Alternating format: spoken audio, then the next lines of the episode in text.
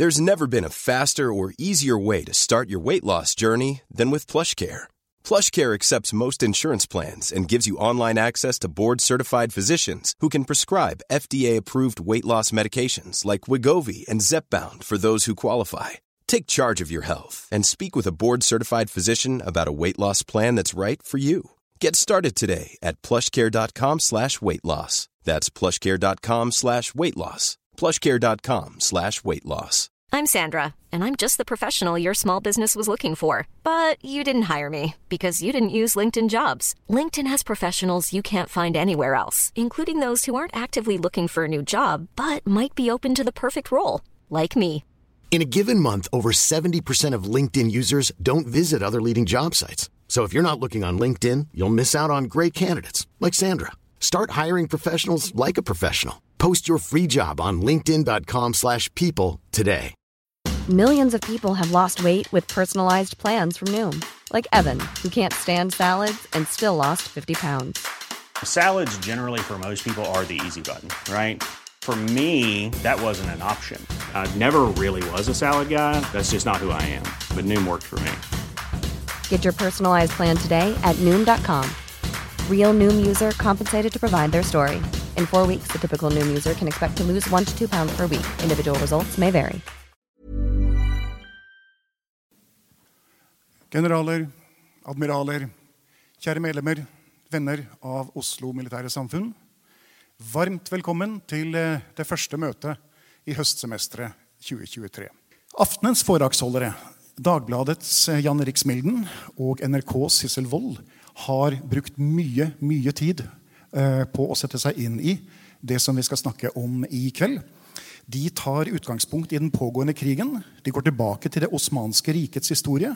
Osmanernes kamp mot russerne, med stor vekt på det strategiske Svartehavet. Så vil de snakke om tsar Putin i Kreml og sultan Erdogan i Ankara. Og så er planen at de også skal eh, se litt fremover. Eh, hva som kan komme til å skje nå. Det er planen. Svartehavet, tsarer, sultaner og ukrainere er tittelen. Vær så snill å ikke snuble i trappa, men podiet er deres. Forsamlingen er klar. Vær så god. Varmt velkommen.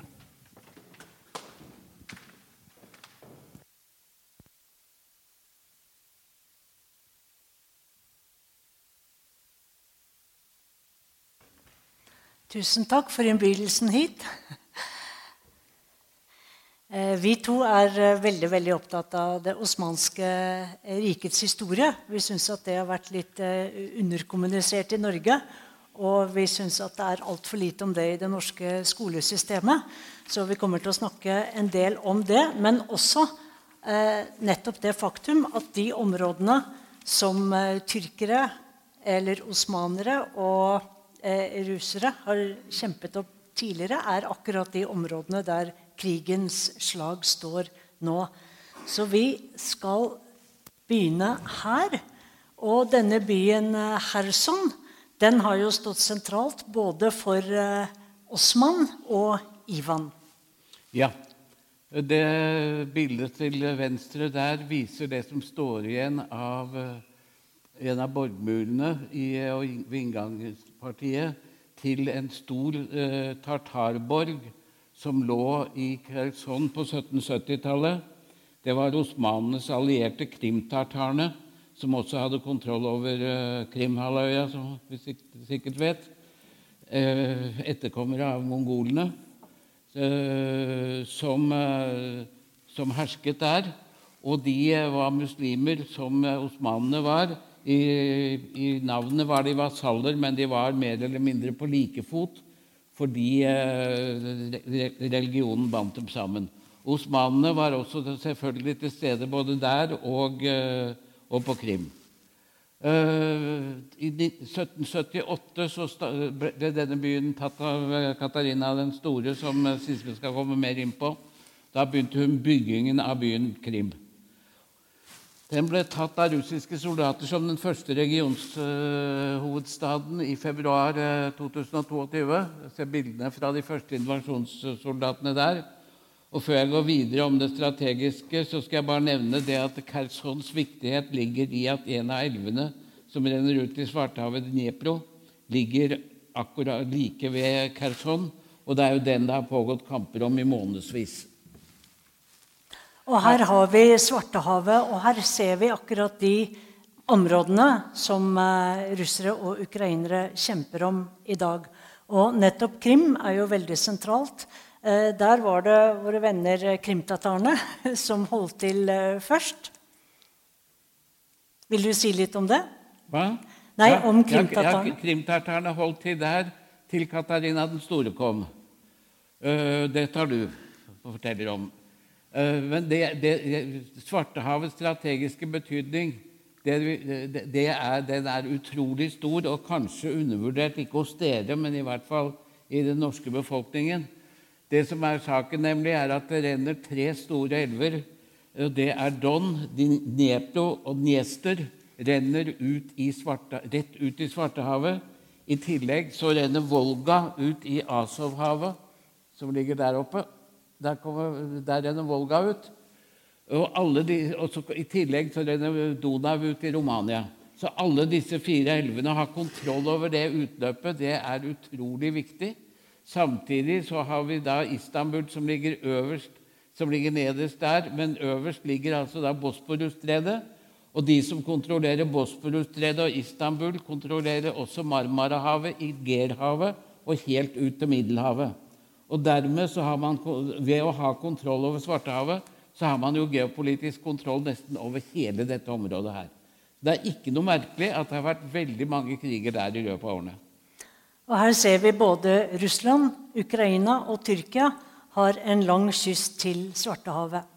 Og så skal jeg snakke om en av mine yndlingspersoner i historien, nemlig Grigorij Potjomkin.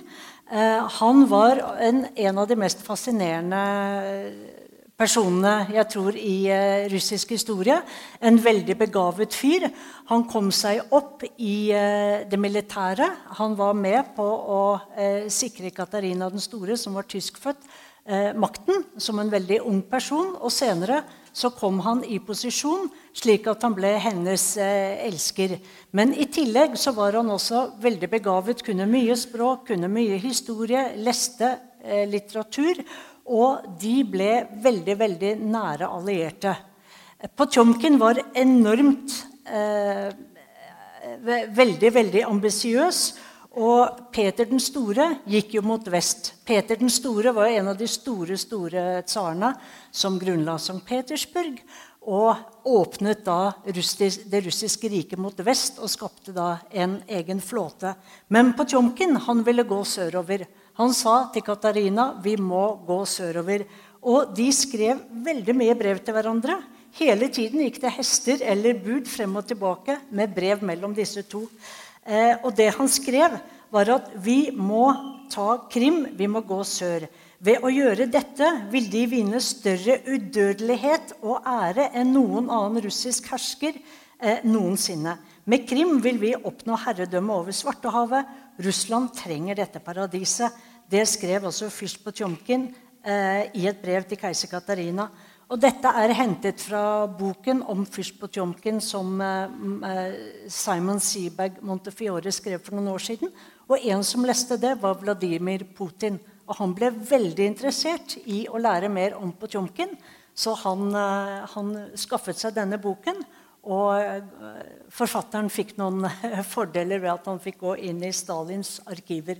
Men det var også fyrst Potjomkin som planla disse byene vi hører om nå, og grunnla dem. Kherson, Odessa, Mykolajev, Mariupol, Dnepr og Simferopol. Og Sevastopol. Og han bygget også opp den, eh, den eh, Svartehavsflåten. Så han tok dette området først for russerne. Og De to de skapte det som de kalte Novorussia, det nye Russland. Og som vi ser, så er det jo veldig mange av de samme områdene som eh, kjempes om i dag. Og her er Katarina den store. Så dette er eh, bakgrunnen sett fra Russland, og én grunn til at Putin føler at dette er hans. Ja, her ser vi det da Det skulle stått The Ottoman Empire der nede, men det står altså Turkey.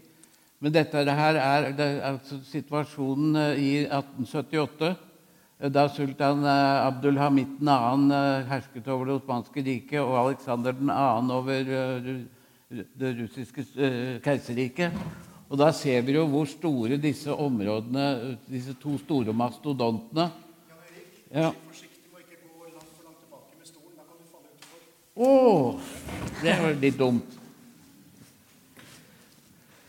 Uh, ja, og uh, til sammen så ble det altså ført fra Peter den store begynte å krige på begynnelsen av 1600-tallet, så ble det ført 16, det er tolv kriger til sammen mellom, uh, mellom Russland og Det osmanske riket. De vant litt. Noen ganger vant den ene parten, andre gangen vant den andre parten.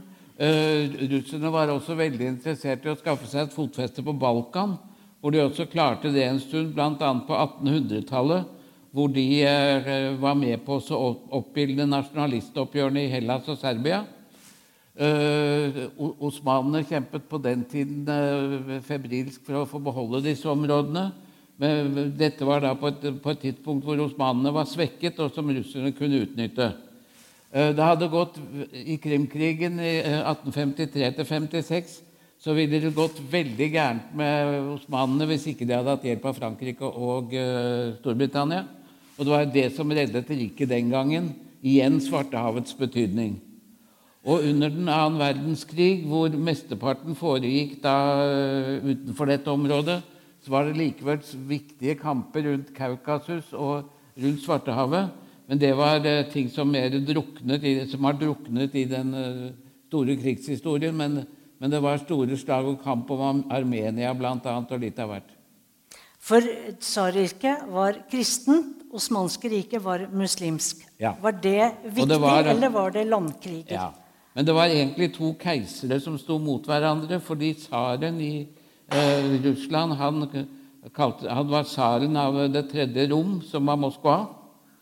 Mens, mens sultanen hadde arvet den tittelen som eh, som eh, Mehmed erobreren tok da han tok Konstantinopel i 1453, eh, nemlig keiser i Rom. Og det betyr keiser av Roma. Mens både, både Peter den store og Katarina den stores mål var å ta Konstantinopel, kunne slå sammen det gresk-ortodokse og det russisk-ortodokse, og, og, at hele den ortodokse verden da skulle styres fra Konstantinopel, som de kalte den, selvfølgelig ikke Istanbul. Vi skal gå tilbake til Det osmanske riket, for dette var jo et enormt verdensrike som varte i nesten 600 år. Og det begynte jo med disse tyrkiske stammene. Og da jeg plutselig fikk eh, jobb i Istanbul og skulle jobbe med Tyrkia, så hadde jeg en bratt lærekurve. Blant annet så fant jeg ut at tyrkere de er overalt, disse tyrkiske stammene i Turkmenistan. Eh, de var på Krim. Og det begynte med at disse stammene kom mot det som i dag er Anatolia. Eh, dette eh, er Erturul, han i midten, som da skal være far til Osman den første. Og det som gjorde at de var så effektive til å erobre land, var at de var eh, gode ryttere, dette var jegere og krigere, og de var veldig mobile. Og de beveget seg veldig hurtig. Så veldig raskt så vokste dette riket. Her Den bitte lille delen der var det første osmanske fyrstedømmet til Kai-stammen. Det var en rekke da, som Sissel nevnte, en rekke turkmenske stammer som reiste fra Sentral-Asia av flere årsaker til Anatolia eh, på 700-800-tallet. De fleste ble muslimer. Seldsjukkene, som eh, dere sikkert har hørt om, de holdt, eh, hadde et stort rike i Anatolia fra 1072 og i eh, noen tiår. Men ble slått, og senere så ble da disse forskjellige stammene dannet hver sine små fyrstedømmer. Noen under safanidene i, Persia, andre, andre under bare selvstendige fyrster, men småfyrster. Og det er ingen som egentlig har kunnet forklare hvordan dette lille området der, som ble så stort under Osman den første, klarte å ende med å, du må, du, å bli sånn. Dette er altså det osmanske riket på sitt, på sitt høydepunkt i 1683. De lyse grønne, det var saltstater. De som er der oppe, det er dagens Romania og Ungarn. Eh, her ligger Krimhalvøya, her ligger krimtartarenes område. Dette var kristne områder som da, som da var buffere for osmanene mot Europa. Og de betalte da tributt til sultanen i Istanbul. Der var, der, var, forholdet relativt ulikt. Var, der var det makta som rådde. Mens derimot når det gjaldt både krimtatarene og her i Nord-Afrika, hvor det var, eh, hvor det var nordafrikanske berbere og arabere som styrte, var, de var vasaller i navnet, men ikke i gavnet, fordi de var, jo, fordi de var eh, muslimer. Og det, det, jeg bare et lite øyeblikk der. For det, dette området her det kjenner man som barbareskstatene. Det var altså der hvor sjørøverne kom fra. Og sjørøverne de drev masse piratvirksomhet da i Middelhavet. Det som ikke nevnes så mye om, var jo at både spanjoler og franskmenn i Italia drev eh, piratvirksomhet også. Men når de ikke drev med sjørøveri, så brukte sultanen i Istanbul deres eh, sjømannskap, kapteinene og båtene, til sin krigføring. Så det var ganske effektivt. Her nede ligger Mekka og Medina. Ja, det kan vi. Ja. Eh, de hadde jo veldig effektive soldater, som vi var inne på, og ikke minst janissarene. Ja. Da osmanene begynte å rykke fram i det gamle bysantinske riket, så hadde de dyttersoldater. De gjorde også et strategisk veldig smart trekk ved at de allierte seg med fyrst, kristne gresk-ortodokse fyrster som var i konflikt med keiseren i Bysants og alle som har lest litt om Bysants, vet, vet, hvor stort kaos det var der, og hvor mange keisere som der ble enten slått i hjel eller måtte flykte. Så osmanene sørget alltid for å alliere seg med de som var mot, var fiendtligsinnede mot keiserne i Konstantinopel, og det tjente de utrolig mye på, ikke minst når det gjaldt å ta jord. Disse ble da en slags vasaller, men fikk stor makt innenfor riket. Så, disse, så hadde de ikke infanteri. De begynte med krigsfanger, men det var litt dårlig løsning. og Da bestemte de seg for å starte noe som heter Devshirme-systemet. De tok smågutter fra Balkan, Øst-Europa og Kaukasus. Familier som hadde mer enn én sønn, måtte avgi en av sine sønner til dette janitsjarkorpset. Og det kom, da, det kom da folk, utsendinger fra sultanen, hvert tredje eller hvert femte år og samlet inn gutter, rene slaver. Eh, dette eh, de, de, de, som sagt, de som hadde én sånn slapp, hadde du fem, så slapp du allikevel med én. Dette er et veldig omdiskutert eh, tema blant historikere. I nasjonalistisk gresk-serbisk historie, gresk-kypriotisk historie, så, så, kalles dette ren slavehandel. Og det er mange historier og mange kilder som forteller om grusomme avskjeder mellom foreldre og disse men så er det en annen side av den saken også, og det er nemlig det at barnedødeligheten på Balkan, Øst-Europa Kaukasus var veldig høy på den tida. Og mange av disse foreldrene var glade for at en av deres sønner i hvert fall kunne overleve, få en god utdannelse og sikre seg et liv, i hvert fall så godt man kan sikre seg et liv som soldat, i Det osmanske riket.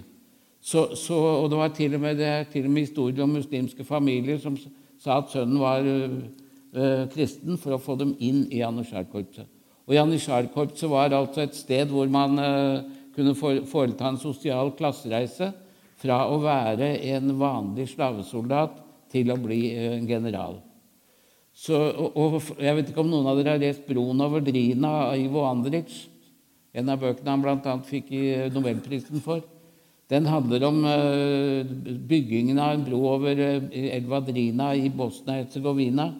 Eh, det ble satt i gang av en eh, storvisir, statsminister, som het Mustafa Sokolo Pasha. Og han bygde den som en takk til sine familie, storfamilie, bygdebarn og alle som bodde i det området. Og fremdeles i Bosnia-Hercegovina i dag så minnes han. Og flere andre gjorde også sånne ting. Så, så denne, denne, formen for slavehandel når man begynner å gå inn i det, så har den flere nyanser enn bare det nasjonalistisk historiefortelling kan gi. Eh, dette er Mehmet 2., som i en alder av 21 år senket det østromerske riket eh, etter 1000 år i Bysants. Og han rir her inn i Konstantinopel. Og siden vi sitter i Oslo Militære Samfunn, så har vi lyst til å se litt på Eh, den militære strategien som denne 21-åringen eh, planla før han inntok eh, denne byen. Konstantinopel hadde jo Konstantinopel hadde jo vært under de kristne i, i mange, mange hundre år. Og det var 25 hærer tror jeg, som hadde prøvd å invadere 34 denne byen. ganger prøvde man. Ja, 34 ganger prøvde man å ta denne byen, som da lå på dette neset i Istanbul her. Og eh, En grunn til at ingen greide det, var jo at det var enorme murer rundt. Men en av strategiene som eh, Mehmet eh, den andre brukte for å komme inn i det som het eh, Det gylne horn ikke, jeg får ikke den der til å virke. Nei. Ah. Eh, det var også å frakte båter over land. Det var én av disse taktikkene han det var, brukte. Kan jeg bare avbryte der? Norske og skandinaviske vikinger brukte bl.a. den taktikken på 800-tallet, da de reiste opp scenen i Frankrike. Og Frankrike hadde stengt med, med akkurat den samme typen lenker som Sissel viser fram nå. Ja, så, så de dette hadde, hadde vikingene også gjort. De hadde denne lenken for at fiendtlige skip ikke skulle komme inn i Det gylne horn og kunne ta denne byen. Og dette var da murene som var rundt Konstantinopel, som ble bygget av Theodosius på 300-tallet. Og denne enorme muren med tre murer utenpå hverandre var det da ingen som hadde greid å, å, slå seg igjennom. Eh, til Mehmet 2. på 21 år. Han fikk eh, tilbud fra en som het Orban, som var fra Ungarn. Ja, han, ja. som, var, som, var, eh, som, var, eh, kanonbygger. Orban var jo da kristen, hadde først gått til keiser Konstantin, som var inne i Konstantinopel. Og keiser Konstantin, eh, Konstantin hadde ikke råd til å betale for denne nye kanonen, denne nyvinningen. Men Mehmet Eh, sultan Mehmet han eh, ga rikelig med betaling og fikk da dette nyutviklede våpenet som denne kjempekanonen var. Det, det er ikke den kanonen, men den, dette er en, den type kanon.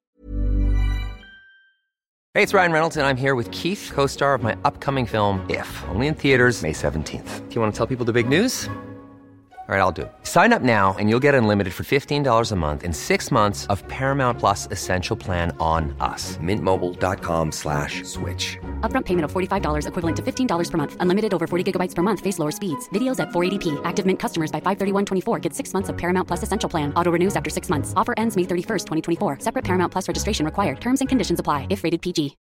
Millions of people have lost weight with personalized plans from Noom like Evan, who can't stand salads and still lost 50 pounds. Salads, generally, for most people, are the easy button, right? For me, that wasn't an option. I never really was a salad guy. That's just not who I am. But Noom worked for me. Get your personalized plan today at Noom.com. Real Noom user compensated to provide their story. In four weeks, the typical Noom user can expect to lose one to two pounds per week. Individual results may vary. Kanskje er det den kanonen som ligger her, som het da Basilika. Og de drev og fyrte denne kanonen døgnet rundt, rett og slett til den sprakk. Men til slutt så greide de å rive ned en av disse murene og komme seg inn i Konstantinopel. Legge til Den var altså så svær at den måtte fraktes av 30 par okser, oksespann. Og kulene veide 500 kg. Det var steiner, det veide omtrent 500 kg. Så det var en enorm eh, slagkraft. Og så måtte, ja, det fins et annet bilde, men det er litt dårlig oppløsning på det. For det, det var mye rekyl, og samtidig så var det også stadig vekk at stålet slo sprekker. Så av og til så måtte de ta og plastre denne store basilikakanonen. Men den slo altså som Sissel slo, det slo hull i murene, og dermed så var Konstantinopels skjebne beseglet. En eh, effekt eh, fordi at osmanerne var ganske eh, innovative når det gjaldt det militære. Og én ting de fant opp, det var jo Janitsjar-orkesteret. Det kommer fra osmanerne. Ja. Det var altså øh, Osmanene, da de skulle ta Wien i 1683, så bygde de opp en kjempeleir utenfor Wien. Eh, det var minst 100 000 soldater, og det var, en, de bygde opp en by som var større enn selve Wien. Eh, Visirer og høytstående folk hadde med seg konkubinene sine. Eh, der, var det, det, var et samfunn i seg sjøl med slakter og syre og alt som, alt som, var. Og de var forberedt da på å kunne ligge der ganske lenge og beleire Wien. Og disse det, det, det, som var blitt problemet på den tiden, var at Det osmanske riket var blitt for stort. Så det Suleiman den store prøvde å ta Wien i 19, nei, 1529 og mislyktes. Det, det, å starte krig i, på Balkan Da måtte du dra tidlig på våren fra Istanbul og så komme tilbake igjen på høsten, før regnet satt inn. Men skulle man til Wien, så ble det altså det, det, som skjedde da, var at man måtte reise mens det fremdeles regna, og måtte dra hjem mens regnet, da regnet kom. Og det gjorde at de mista masse utstyr, f.eks. kanoner som ble dratt av okser. og mistet matforsyninger, og helt tatt logistikken gikk det så som så med av og til. Men, men, og, og, da må jeg bare komme med én ting til alle som har hørt og tror at hvis Wien hadde blitt tatt av osmanene i 1683, så hadde vi alle vært muslimer. Det finnes ikke et eneste historisk kilde som kan bekrefte det, unntatt de mest ekstreme dagens uh, islamofober og lignende, som, altså, som bruker denne gamle historien. Men alle kildene viser at osmanene visste at riket var blitt stort, allerede for stort. De skulle bruke Wien som en bufferstat. Så kom jeg kort inn på Og, det var nettopp det. Men så, det, det, de la igjen etter seg, var altså de, de, de, måtte flykte, for de ble reddet av en polsk general ved navn Jan Sobieski, som kom med både leiesoldater og polske og litauiske soldater. De ble, de, ble reddet av Jan Sobieski og måtte flykte. Flykt, leiren ble liggende igjen, og folk kom og, fra utsult, et utsultet vin og eh, fant mat. De fant kaffe. Historien sier at kaffen ble kommet til Europa via denne teltleiren. Det er ikke sant. Men de fant eh, masse instrumenter, masse instrumenter cymbaler, fløyte, trommer osv. Det ble til Janitsjar-orkesteret. Og de fant masse kvinneklær. Det ble til eh, moten à la turk i Frankrike. Og de, eh, og de eh, fikk musikkinspirasjon, bl.a. tyrkisk marsj av eh, Mozart. Eh, så, eh, etter eh, første verdenskrig, så valgte osmanerne feil side. og de var med på tapersiden i krigen. Det førte til at, at seiermaktene delte opp Tyrkia, restene av det tyrkiske riket, og vi fikk de grensene som vi har i Midtøsten i dag. Og da fikk vi først Sevres-avtalen. Ja, Sevres-avtalen er fra 1920. Den gangen så var, eh, så, så var, det sultanens representanter som da deltok eh, som, eh, som det osmanske rikets utsending på denne, denne, på denne konferansen. Uh, Osmanske riket hadde jo slått seg på sammen med tyskerne etter først, først prøvde de å gå allianse med britene i 1913-14 da man skjønte at det gikk mot verdenskrig. Britene ville ikke. Så prøvde de franskmennene. Franskmennene ville heller ikke. Så gikk det til Tyskland, som hadde da bl.a. hatt senere general von Moltke som, som uh, instruktør og som leder av et svært tysk korps som lærte osmanene å slåss på europeisk vis. Uh, så, så, det endte da med at de slo seg sammen med at de da slo seg sammen med tyskerne under første verdenskrig. Det gikk jo veldig dårlig, og osmanene eh, måtte jo da gi seg før krigen slutta, og tapte jo, jo, da denne krigen. Og, eh, men på det tidspunktet så satt sultanen fremdeles ved makten i, i, Istanbul, men det hadde begynt å murre i rekkene. Og da, på, allerede på 19, i 1916 så kom en daværende major som senere ble oberst, og som senere ble enda mer, med navn Mustafa Kemal. Han ledet angrepet på Gallipoli i 1915 og 16, hvor, hvor som, som dere sikkert vet, var et av de blodigste slagene under første verdenskrig, hvor briter og newzealendere og australiere ble drevet tilbake fra Gallipoli-halvøya.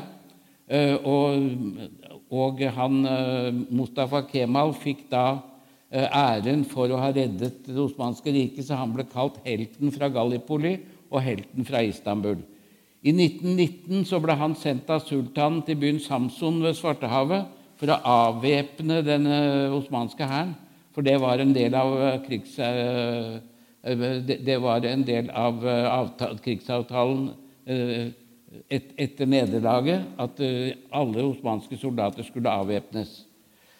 Istedenfor å avvæpne dem så tok Mustafa Kemal av dem, ba dem ta av seg sine egne uniformer. Så etablerte han sin egen hær basert på disse og på stammeledere og og forskjellige løvebander og alt som fantes i den delen av Anatolia, og det var det mye av. Så samlet han en, bygde han opp sin egen hær, dro til Ankara, kastet grekerne som hadde prøvd å invadere, eh, invadere fordi osmanske riket var svakt, kastet grekerne ut og tok makten i Ankara, etablerte et egen, egen hær, egen nasjonalforsamling og, sto, og plutselig hadde da det osmanske riket hadde da en sultan i uh, Istanbul, og så hadde, så hadde uh, det som ble kalt for senere kemalistene, hadde da et hovedkvarter i Ankara, som er dagens hovedstad. Og så kommer da Mustafa Kemal Atatürk uh, til makta, får kontroll. Det er han som sender delegasjon til Lausanne og dere så det forrige kartet, hvor eh, osmanske riket bare var avspist med en liten flekk. Dette er dagens Tyrkia. Dette var genistreken til Atatürk. Han hadde også gjort det klart både for briter og franskmenn og andre europeere at han ønsket et europeisk Tyrkia, et sekulært europeisk Tyrkia som skulle kaste av seg sin religiøse fortid, eh, kaste av seg sin osmanske fortid og bli en moderne stat. Og dette var veldig god musikk i ørene på de allierte, selvfølgelig. Og det gjorde jo da at han ble at han, at han ble jo da på hitlista over store deler av eh, både Europa og senere USA. Og dermed fikk han altså da reddet sitt land i, i, da den endelige avtalen ble undertegna i 1923. Så må vi bruke resten av tiden på Erdogan og Putin. Eh, Erdogan har jo nå sittet med makten i 25 år, og han vant det siste valget igjen. Eh, helt utrolig. Men eh, Det var så vidt, men han vant. Men etter hvert som Erdogan har utviklet Tyrkia i sitt bilde, så har han gjort Tyrkia mer og mer konservativt, mer og mer muslimsk. Atatürk ville jo ha en helt sekulær stat. Mens Erdogan har eh, et ønske om å bli anti-Atatürk. Atatürk. Atatürk betyr jo tyrkernes far. Erdogan vil også være tyrkernes far, men ikke sekulær som Atatürk. Han ønsker å, å forme Tyrkia i et helt annet bilde. Og her ser vi han eh, igjen gå med eh, osmanske janitsjar-soldater i bakgrunnen. Han elsker å, å, å smykke seg og omgi seg med det osmanske. Erdogan har også vært veldig opptatt av å skape alle disse TV-seriene. Som jeg viste et bilde fra denne første stammen, Erturul, far til Osman, som viser tyrkernes storhetstid. Og nå kommer den ene TV-serien etter den andre for å liksom, eh, gjøre tyrkerne stolt av sin, eh, sin eh, nasjonalistiske fortid. Men Erdogan og Putin har jo hatt et veldig langt forhold som har gått opp og ned med tiden. Her ser vi dem da begge var unge. Erdogan har jo vært statsminister, president. Eh, det har også Putin. Vært president og statsminister og president. Og de to har jo et veldig eh, altså Til tider et ujevnt forhold. Eh, nå er eh, de to i et slags eh, skjebnefellesskap. Men dette begynte jo eh, det, Dette spesielle forholdet som vi kanskje ser i dag, begynte jo egentlig da eh, Tyrkia hadde IS på grensen. For da ville Erdogan gjerne ha Patriot-raketter fra Nato-land. Han vil gjerne ha eh, beskyttelse langs sine egne grenser mot Syria. Og det fikk han ikke noen gode avtaler med. Det var ingen som eh, Ikke Frankrike, ikke USA ville lage en deal med Erdogan. Så da gikk Erdogan til eh, Putin, rett og slett. Eller Putin kom til han. Noe som også skjedde var at eh, Erdogan ble jo utsatt for et uh, kuppforsøk i 2016. Og da var Putin en av de første som kom til Erdogan og sa at dette var beklagelig og du har min støtte. Mens vestlige ledere brukte veldig lang tid på å virkelig eh, komme til Ankara og si at eh, vi står ved deg. Men her fikk da eh, Erdogan Han kjøpte altså disse S-400 rakettbatteriene fra Russland. Og dette skapte jo enorm strid i Nato, som mange av dere vet og husker. Eh, spørsmålet var jo, og dette spurte jeg Jens Stoltenberg om en gang for å være helt sikker på at jeg hadde forstått dette riktig, at de muligens var programmert til å eh, skyte ned eh, Nato-fly. Det er veldig kjedelig for et Nato-land hvis man da har kjøpt noe som kan skyte ned Nato-fly. Men i denne tiden her eh, så var jo eh, Erdogan og Putin hadde dette forholdet hvor Putin eh, gav Erdogan en mulighet til å irritere Nato-allierte. På hjemmebane så snakker Erdogan veldig negativt om Vesten, for det styrker ham på hjemmebane.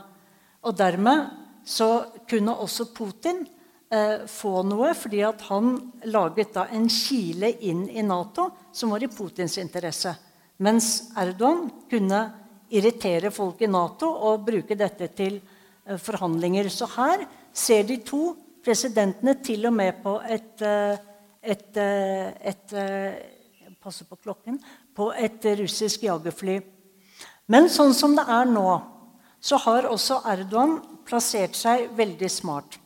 Han, NATO, han leder et Nato-land, men det eneste Nato-landet som ikke har innført sanksjoner mot Russland. Så han er fremdeles venn med Putin. Og han er også venn med Zelenskyj. Fordi i begynnelsen av krigen så sendte Tyrkia eh, eh, Om de kjøpte eller noen ganger ga disse Bayraktar-dronene til eh, Ukraina, som var, som var veldig viktig i begynnelsen av krigen. Og I Ukraina så var disse Bayraktar-dronene så populære at de har laget sanger om det. Det er nesten blitt eh, litt mytiske. Så Erdogan har et godt forhold både til Zelenskyj og til Putin. Og jeg tror at for Nato så er det viktig, uansett hvor gærne de er på Erdogan, fordi han ikke vil slippe Sverige inn i, i Nato uh, Sverige er jo ikke, fra, ikke inn i Nato ennå. Han sier at ok, de skal få komme inn, men de er ikke kommet inn ennå. Men eh, Erdogan har da pos posisjonert seg sånn at han kan ha en mulig meklerrolle. Han er veldig viktig når det gjelder kornavtalen, som skal sørge for at russiske skip skal få frakte, uh, ukrainske skip skal få frakte korn over Svartehavet. Og i tillegg så har han dette forholdet til Putin som går opp og ned. Og dette har jeg med fordi i 2020 så var det Putin som følte seg sterkest. Og da de skulle møtes, så var det Erdogan som måtte stå og vente på Putin. Gikk rundt og måtte vente. og Forferdelig ydmykende for åpent kamera. Og Erdogan liker ikke å bli fornærmet. Men i 2022 så var det Putin som måtte stå og vente på Erdogan. Og dette ble jo sendt på live TV, og han sto i ett minutt og ventet og gikk rundt i sirkel veldig veldig kjedelig for Putin. Så dette er jo litt som i en barnehage, men dette er eh, maktspill. Siste bilde her. 4.9. i år så traff de hverandre igjen. Og da var de veldig veldig blide. Jeg tror veldig glad for å se hverandre. Fordi begge føler at de er eh, altså, eh, litt utstøtt. Altså, Putin er jo mye mer utstøtt nå enn Erdogan. Og Erdogan er jo en helt rå spiller. En helt rå eh, maktspiller. Og Erdogan finner alltid noe han kan jobbe med for å få ting. Og jeg tror at for at Sverige virkelig skal komme inn i Nato, så kommer Erdogan til å legge et par krav til på bordet. Kanskje en invitasjon til Det hvite hus, photo opportunity med Joe Biden og et par F-16-fly på kjøpet. Kanskje da Sverige kommer inn i Nato. Så dette er eh, veldig spennende å følge med for oss som er nerder. Og så har vi kartet i dag, Jan Erik. Ja. Uh, og der er vi jo Hva som vil skje her, kan jo dere mye mer om det, det vi kan. Uh, og som, som, dere ser, dette er jo noe av det sist oppdaterte. Det, det, det man vet, er jo at ukrainere nå er så vidt det er på frammarsj. Uh, snart er høstoffensiven, sommer-østoffensiven over pga. været. Vi går sannsynligvis inn i en ny vinter med stillingskrig. der det er veldig vanskelig å si hva som skjer. Det er vel ingen grunn til å tro at det blir noen forhandlinger foreløpig. Det er ingen grunn til å tro at det blir noe slutt på krigen eh, eh, foreløpig. Og det er ingen grunn til å tro at noen av partene overhodet vil gi seg.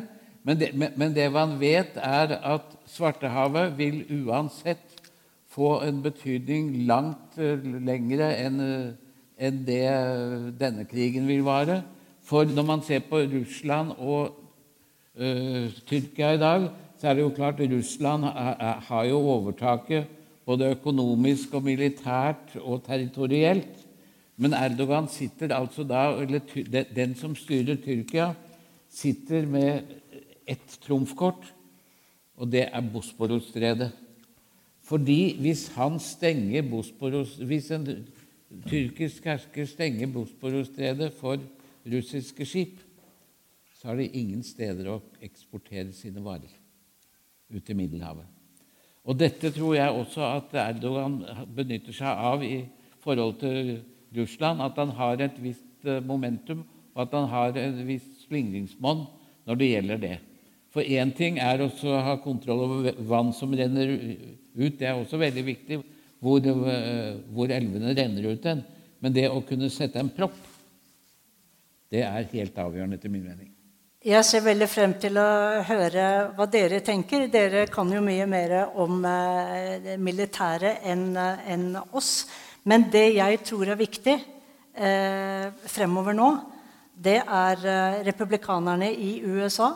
Og flere av republikanerne, eh, de kandidatene, særlig Trump, sier jo at de er ikke interessert i å støtte Ukraina i det hele tatt. Og eh, Trump har jo sagt at i løpet av 24 timer så kan han stoppe krigen. Og jeg tenkte at det sier bare en idiot. Men eh, så spurte jeg Tormod Heier om dette.